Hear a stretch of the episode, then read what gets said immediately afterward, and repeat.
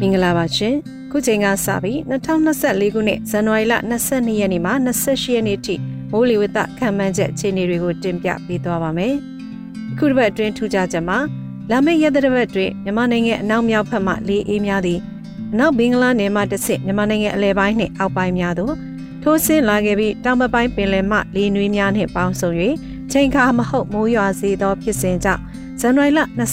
26 29 28ရက်နေ့များတွင် တနင်္သာရီတိုင်းမွန်ပြည်နယ်ရန်ကုန်တိုင်းအေရီတိုင်းပဲခူးတိုင်းရခိုင်ပြည်နယ်ကရင်ပြည်နယ်ကယားပြည်နယ်မန္တလေးတိုင်းနေပြည်တော်နဲ့ရှမ်းပြည်နယ်တို့၌အချိန်ခါမဟုတ်သောစောင်းမှုရနိုင်မဲ့ရက်တပတ်ဖြစ်လာနိုင်ပါတယ်။ယခုတစ်ပတ်တွင်ညအခါဆောင်းရာသီအေးပိုလာနိုင်မှုသည်အိန္ဒိယဘက်မှအေးလိုက်အင်အားချက်ထွင်မှုနဲ့အင်အားရောကြမှုတို့ပေါ်မူတည်၍မြန်မာနိုင်ငံအထက်ပိုင်းနှင့်အလယ်ပိုင်းတို့တွင်အေးပိုမှုအတက်အကျခံစားရလာနိုင်ပြီးနနက်ပိုင်းတွင်မြူတူများလည်းကျဆင်းနိုင်ပါတယ်။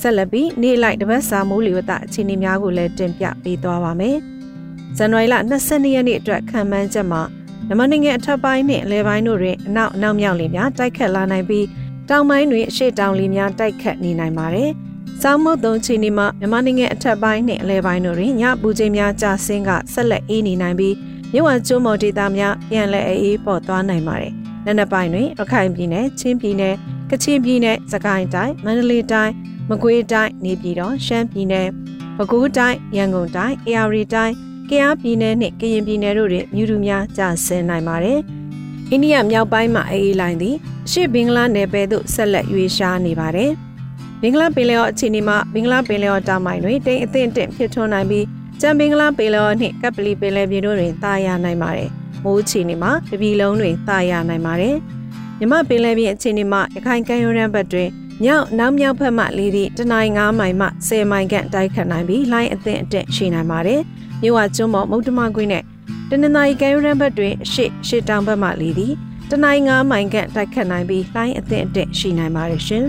။ဇန်နဝါရီလ23ရက်နေ့အတွက်ခံမှန်းချက်မှာမြန်မာနိုင်ငံအထက်ပိုင်းနှင့်အလဲပိုင်းတို့တွင်အနောက်နောက်မြောက်လေများတိုက်ခတ်လာနိုင်ပြီးတောင်ပိုင်းတွင်ရှေ့တောင်လီများတိုက်ခတ်နေနိုင်ပါတယ်။ စောင်းမုတ်တုံအခြေအနေမှာမြန်မာနိုင်ငံအထက်ပိုင်းနှင့်အလဲပိုင်းတို့တွင်ညပူချိန်များကျဆင်းကဆက်လက်အေးနေနိုင်ပြီးမြဝကျွန်းမော်ဒေတာများပြန်လည်အေးအေးပေါ်သွားနိုင်ပါတယ်။နံနက်ပိုင်းတွင်ရခိုင်ပြည်နယ်ချင်းပြည်နယ်ကချင်ပြည်နယ်စကိုင်းတိုင်းမန္တလေးတိုင်းမကွေးတိုင်းရှမ်းပြည်နယ်ကယားပြည်နယ်နှင့်ကရင်ပြည်နယ်တို့တွင်မြူတူများကျဆင်းနိုင်ပါတယ်။ရှေ့ဘင်္ဂလားနယ်ပယ်တွင်ဖြစ်ပေါ်နေသောအေးလိုင်းသည်အင်အားလျော့ကျလာနေပါတယ်။ဘင်္ဂလားပင်လယ်အော်ချီနီမှာ ဘင်္ဂလားပင်လယ်အော်တောင်ပိုင်းတွင်တိတ်အထင်တက်ဖြစ်ထွန်းနိုင်ပြီးကြံဘင်္ဂလားပင်လယ်အော်နှင့်ကပ်ပလီပင်လယ်ပြင်တို့တွင်တာယာနိုင်ပါတယ်။မိုးချီနီမှာတပြည်လုံးတွင်တာယာနိုင်ပါတယ်။မြမပင်လယ်ပြင်အခြေအနေမှာခိုင်ကဲရုံးဘက်တွင်မြောက်နောက်မြောက်ဖက်မှလေသည်တနိုင်9မိုင်မှ10မိုင်ခန့်တိုက်ခတ်နိုင်ပြီးလှိုင်းအသင့်အတက်ရှိနိုင်ပါတယ်။မြို့ဝကျုံမမုတ်တမကွေးနဲ့တနင်္သာရီကမ်းရိုးတန်းဘက်တွင်အရှိရှေ့တောင်ဘက်မှလေသည်တနိုင်9မိုင်ခန့်တိုက်ခတ်နိုင်ပြီးလှိုင်းအသင့်အတက်ရှိနိုင်ပါတယ်ရှင်။ ဇန်နဝါရီလ24ရက်နေ့အတွက်ခံမှန်းချက်ကတော့မြန်မာနိုင်ငံအထက်ပိုင်းနဲ့အလယ်ပိုင်းတို့တွင်အနောက်အနောက်တောင်လေများတိုက်ခတ်လာနိုင်ပြီးတောင်ပိုင်းတွင်တောင်ရှေ့တောင်လေများတိုက်ခတ်နေနိုင်ပါတယ်။စောင်းမုတ်တုံချီနီမှာမြန်မာနိုင်ငံအထက်ပိုင်းနဲ့အလယ်ပိုင်းတို့တွင်ညပူချိန်များပြန်လည်မြင့်တက်လာပြီးအေးပေါ်သွားနိုင်ပါတယ်။နံနက်ပိုင်းတွင်ရခိုင်ပြည်နယ်၊ချင်းပြည်နယ်၊ကချင်ပြည်နယ်၊စကိုင်းတိုင်း၊မန္တလေးတိုင်း၊မကွေးတိုင်း၊ရှမ်းပြည်နယ်၊ကယားပြည်နယ်နှင့်ကရင်ပြည်နယ်တို့တွင်မြူတူများကျဆင်းနိုင်ပါတယ်။အ ရှေ့ဘင်္ဂလားနယ်ပယ်တွင်ဖြစ်ပေါ်နေသောအေးလိုင်းသည်ပြက်ပြဲသွားပြီဖြစ်ပါတယ်။ဘင်္ဂလားပင်လယ်အော်ချီနေမှာဘင်္ဂလားပင်လယ်အော်အောက်ပိုင်းတွင်တိတ်အထင်တက်ဖြစ်ထွန်းနိုင်ပြီးကြံဘင်္ဂလားပင်လယ်အော်နှင့်ကပ်ပလီပင်လယ်ပြင်တို့တွင်သာယာနိုင်ပါတယ်။မိုးချီနေမှာတနင်္သာရီတိုင်းနှင့်ရှမ်းပြည်နယ်အရှေ့ပြားတို့တွင်နေရာကွက်ကြားမိုးပွဲများရွာကျနိုင်သည်မှပါကြံတပီလုံးတွင်သာယာနိုင်ပါတယ်။မြမပင်လယ်ပြင်အခြေအနေမှာတခိုင်ကဲရန်ဘက်တွင်မြောက်နောက်မြောက်ဖက်မှလေသည်တနိုင်9မိုင်မှ10မိုင်ခန့်တိုက်ခတ်နိုင်ပြီးလှိုင်းအသင့်အတက်ရှိနိုင်ပါတယ်။ မြဝကျုံမမုတ်တမခွေးနဲ့တနင်္သာရီကမ်းရိုးတန်းဘက်တွင်တောင်ရှေ့တောင်ဘက်မှလေသည်တနိုင်9မိုင်ခန့်တိုက်ခတ်နိုင်ပြီးလှိုင်းအသင့်အတက်ရှိနိုင်ပါတယ်ရှင်။ဇန်နဝါရီလ25ရက်နေ့အတွက်ခံမှန်းချက်မှာမြန်မာနိုင်ငံအထက်ပိုင်းနှင့်အလဲပိုင်းတို့တွင်အနောက်နောက်တောင်လီများတိုက်ခတ်လာနိုင်ပြီးတောင်ပိုင်းတွင်တောင်ရှေ့တောင်လီများတိုက်ခတ်နေနိုင်ပါတယ်။စောင်းမုတ်တုံအခြေအနေမှာမြန်မာနိုင်ငံအထက်ပိုင်းနှင့်အလဲပိုင်းတို့တွင်ညပူချိန်များပြန်လည်မြင့်တက်လာပြီးအေးပေါ်သွားနိုင်ပါတယ်။ နနက်ပိုင်းတွင်ရခိုင်ပြည်နယ်ချင်းပြည်နယ်ကချင်ပြည်နယ်စကိုင်းတိုင်းမန္တလေးတိုင်းမကွေးတိုင်းရှမ်းပြည်နယ်ကယားပြည်နယ်နှင့်ကရင်ပြည်နယ်တို့တွင်မြူတူများကြာဆင်းနိုင်ပါတယ်။ဘင်္ဂလားပင်လယ်အော်ချီနီမှာဘင်္ဂလားပင်လယ်တောင်ပိုင်းတွင်တိတ်အထင်တင့်ဖြစ်ထွန်းနိုင်ပြီးကြံဘင်္ဂလားပင်လယ်နှင့်ကပလီပင်လယ်ပြင်တို့တွင်တာယာနိုင်ပါတယ်။မိုးချီနေမှာတနင်္သာရီတိုင်းမွန်ပြည်နယ်ရန်ကုန်တိုင်းအေရီတိုင်းမန္တလေးတိုင်းနဲ့ရှမ်းပြည်နယ်အရှေ့ပိုင်းတို့တွင်နေရာကွက်ကြားမိုးပွဲများရွာကျနိုင်သည်မှအပါကျန်တပီလုံးတွင်တာယာနိုင်ပါတယ်။ မြမပင်လယ်ပြင်အခြေအနေမှာရခိုင်ကဲရိုးရန်ဘက်တွင်အနောက်နောက်တောင်ဘက်မှလေသည်တနိုင်9မိုင်မှ10မိုင်ကတိုက်ခတ်နိုင်ပြီးလှိုင်းအသင့်အတက်ရှိနိုင်ပါတယ်။မြဝကျွန်းမမုတ်တမကွေးနဲ့တနင်္သာရီကဲရိုးရန်ဘက်တွင်တောင်ရှစ်တောင်ဘက်မှလေသည်တနိုင်9မိုင်ကတိုက်ခတ်နိုင်ပြီးလှိုင်းအသင့်အတက်ရှိနိုင်ပါတယ်ရှင်။ဇန်နဝါရီလ26ရက်နေ့အတွက်ခံမှန်းချက်မှာမြန်မာနိုင်ငံအထက်ပိုင်းနဲ့လယ်ပိုင်းတို့တွင်အနောက်နောက်တောင်လေများတိုက်ခတ်လာနိုင်ပြီးတောင်ပိုင်းတွင်တောင်ရှစ်တောင်လေများတိုက်ခတ်နေနိုင်ပါတယ်။ စောင်းမုတ်တုံချင်းဒီမှာမြန်မာနိုင်ငံအထက်ပိုင်းနဲ့လယ်ပိုင်းတို့တွင်ညပူချိန်များပြန်လည်မြင့်တက်လာပြီးအေးပေါ်သွားနိုင်ပါတယ်။နံနက်ပိုင်းတွင်ရခိုင်ပြည်နယ်၊ချင်းပြည်နယ်၊ကချင်ပြည်နယ်၊စကိုင်းတိုင်း၊မန္တလေးတိုင်း၊မကွေးတိုင်း၊ရှမ်းပြည်နယ်၊ကယားပြည်နယ်နှင့်ကရင်ပြည်နယ်တို့တွင်မြူတူများကျဆင်းနိုင်ပါတယ်။ဘင်္ဂလားပင်လယ်အော်ချင်းဒီမှာ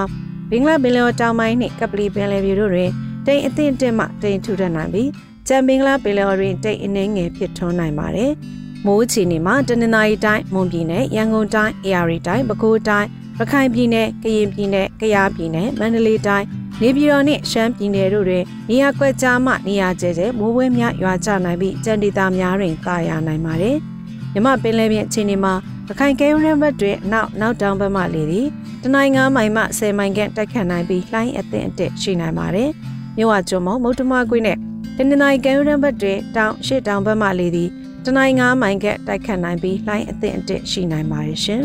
။ဇန်နဝါရီလ29ရက်နေ့အတွက်ခံမှန်းချက်ကတော့မြန်မာနိုင်ငံအထက်ပိုင်းနှင့်အလဲပိုင်းတို့တွင်နောက်နောက်တောင်လီများတိုက်ခတ်လာနိုင်ပြီးတောင်ပိုင်းတွင်တောင်ရှစ်တောင်လီများတိုက်ခတ်နေနိုင်ပါတယ်။စောင်းမုတ်တုံချင်းဒီမှာမြန်မာနိုင်ငံအထက်ပိုင်းနဲ့အလဲပိုင်းတို့တွင်ညပူချိန်များပြန်လည်မြင့်တက်လာပြီးအေးပေါ်သွားနိုင်ပါတယ်။နံနက်ပိုင်းတွင်ရှမ်းပြည်နယ်ချင်းပြည်နယ်ကချင်ပြည်နယ်စကိုင်းတိုင်းမန္တလေးတိုင်းမကွေးတိုင်းရှမ်းပြည်နယ် ကယားပြည်နယ်နှင့်ကရင်ပြည်နယ်တို့တွင်မြူတူများကျဆင်းနိုင်ပါတယ်။ဘင်္ဂလားပင်လယ်အော်ချင်းဒီမှာဘင်္ဂလားပင်လယ်အော်တောင်ပိုင်းနှင့်ကပလီပင်လယ်ပြင်တို့တွင်တိတ်အသင့်တက်မှတိမ်ထူထပ်နိုင်ပြီးကျန်ဘင်္ဂလားပင်လယ်အော်တွင်တိတ်အနှဲငယ်ဖြစ်ထွန်းနိုင်ပါတယ်။မိုးချီနေမှာတနင်္သာရီတိုင်းမွန်ပြည်နယ်ရန်ကုန်တိုင်းအေရီတိုင်းပဲခူးတိုင်းရခိုင်ပြည်နယ်ကရင်ပြည်နယ်ကယားပြည်နယ်မန္တလေးတိုင်းနေပြည်တော်နှင့်ရှမ်းပြည်နယ်တို့တွင်နေရာကွက်ကြားမှနေရာကျဲကျဲမိုးဝဲများရွာကျနိုင်ပြီးကြံဒေသများတွင်တာယာနိုင်ပါတယ်။ မြမပင်လယ်ပြင်အခြေအနေမှာပခိုင်ကဲရိုရန်ဘတ်တွေအနောက်နောက်တောင်ဘက်မှလေသည်တနိုင်9မိုင်မှ10မိုင်ခန့်တိုက်ခတ်နိုင်ပြီးလှိုင်းအသင့်အတင့်ရှိနိုင်ပါတယ်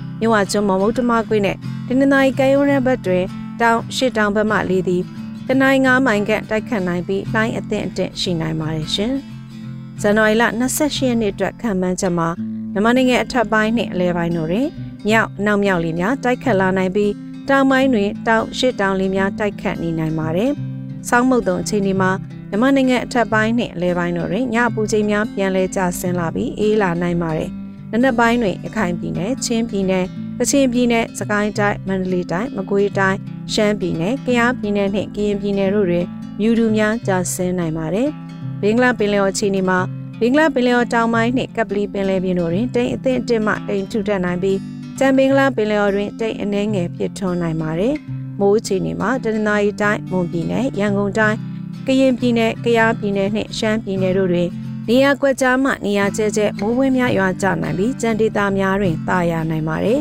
။မြမပင်လယ်ပြင်အခြေအနေမှာရခိုင်ကဲရိုးတန်းဘက်တွင်အနောက်နောက်မြောက်ဘက်မှလေသည်တနိုင်း9မိုင်မှ10မိုင်ကတိုက်ခတ်နိုင်ပြီးလိုင်းအသင့်အတင့်ရှိနိုင်ပါတယ်။မြဝကျွန်းမမုတ်တမကွေးနဲ့တနင်္သာရီကဲရိုးတန်းဘက်တွင်တောင်ရှေ့တောင်ဘက်မှလေသည် တနိုင်း9မိုင်ကတိုက်ခတ်နိုင်ပြီးလိုင်းအသင့်အတင့်ရှိနိုင်ပါတယ်ရှင်